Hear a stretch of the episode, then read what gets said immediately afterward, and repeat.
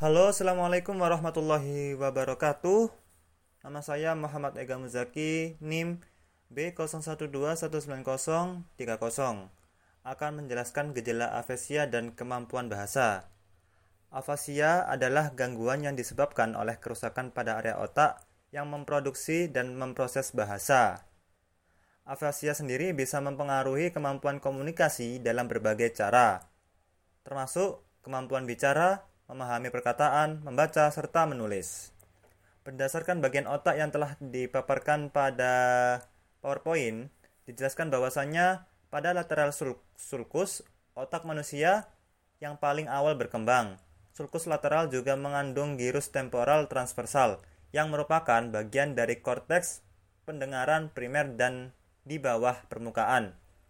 Perisylvian region yaitu bagian otak yang merespon bahasa, Bagian ini terletak di sekitar sulcus lateral dari belahan kiri dan termasuk area broca dan area Wernicke. Sedangkan ekstrasilvia ialah gangguan bahasa yang terjadi kerusakan di luar area bahasa otak.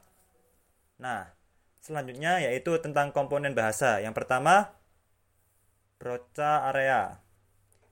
Ini ditandai dengan tidak adanya gangguan spontan berbicara. Saat berbicara, ia cenderung menggunakan kalimat yang sangat pendek yang biasanya kurang dari empat kata.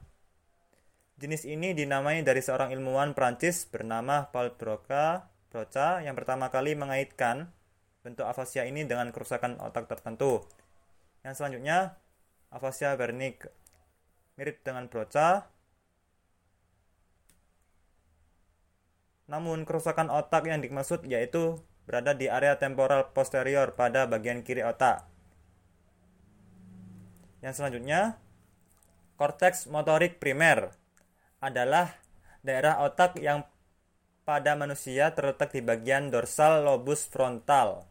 Korteks ini merupakan penghasil impuls saraf yang turun ke sumsum -sum tulang belakang dan mengontrol pelaksanaan gerakan.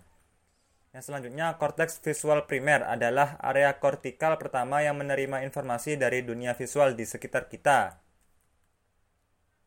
Yang selanjutnya, angular gyrus merupakan area otak yang memiliki fungsi untuk bahasa dan berbicara. Korteks parietal memiliki fungsi modalitas sensori taktil, seleksi terhadap isyarat audio dan visual, serta proses spasial. Yang selanjutnya, arcuate fasciculus yaitu saluran materi putih yang berjalan sejajar dengan fasciculus longitudinal superior. Karena kedekatannya, beberapa peneliti menyebut mereka secara bergantian. Yang ketujuh, yang selanjutnya, primary somatosensory cortex terletak di gyrus posentral dan merupakan bagian dari sistem somatosensori yang selanjutnya, primary auditory cortex adalah bagian dari lobus temporal yang memproses informasi pendengaran pada manusia dan banyak vertebrata lainnya. Yang terakhir, inferior parietal lobule terletak di bawah bagian horizontal sulcus intraparietal dan di belakang bagian bawah sulcus posentral. Demikian penjelasan yang bisa saya sampaikan. Kurang lebihnya mohon maaf. Wassalamualaikum warahmatullahi wabarakatuh.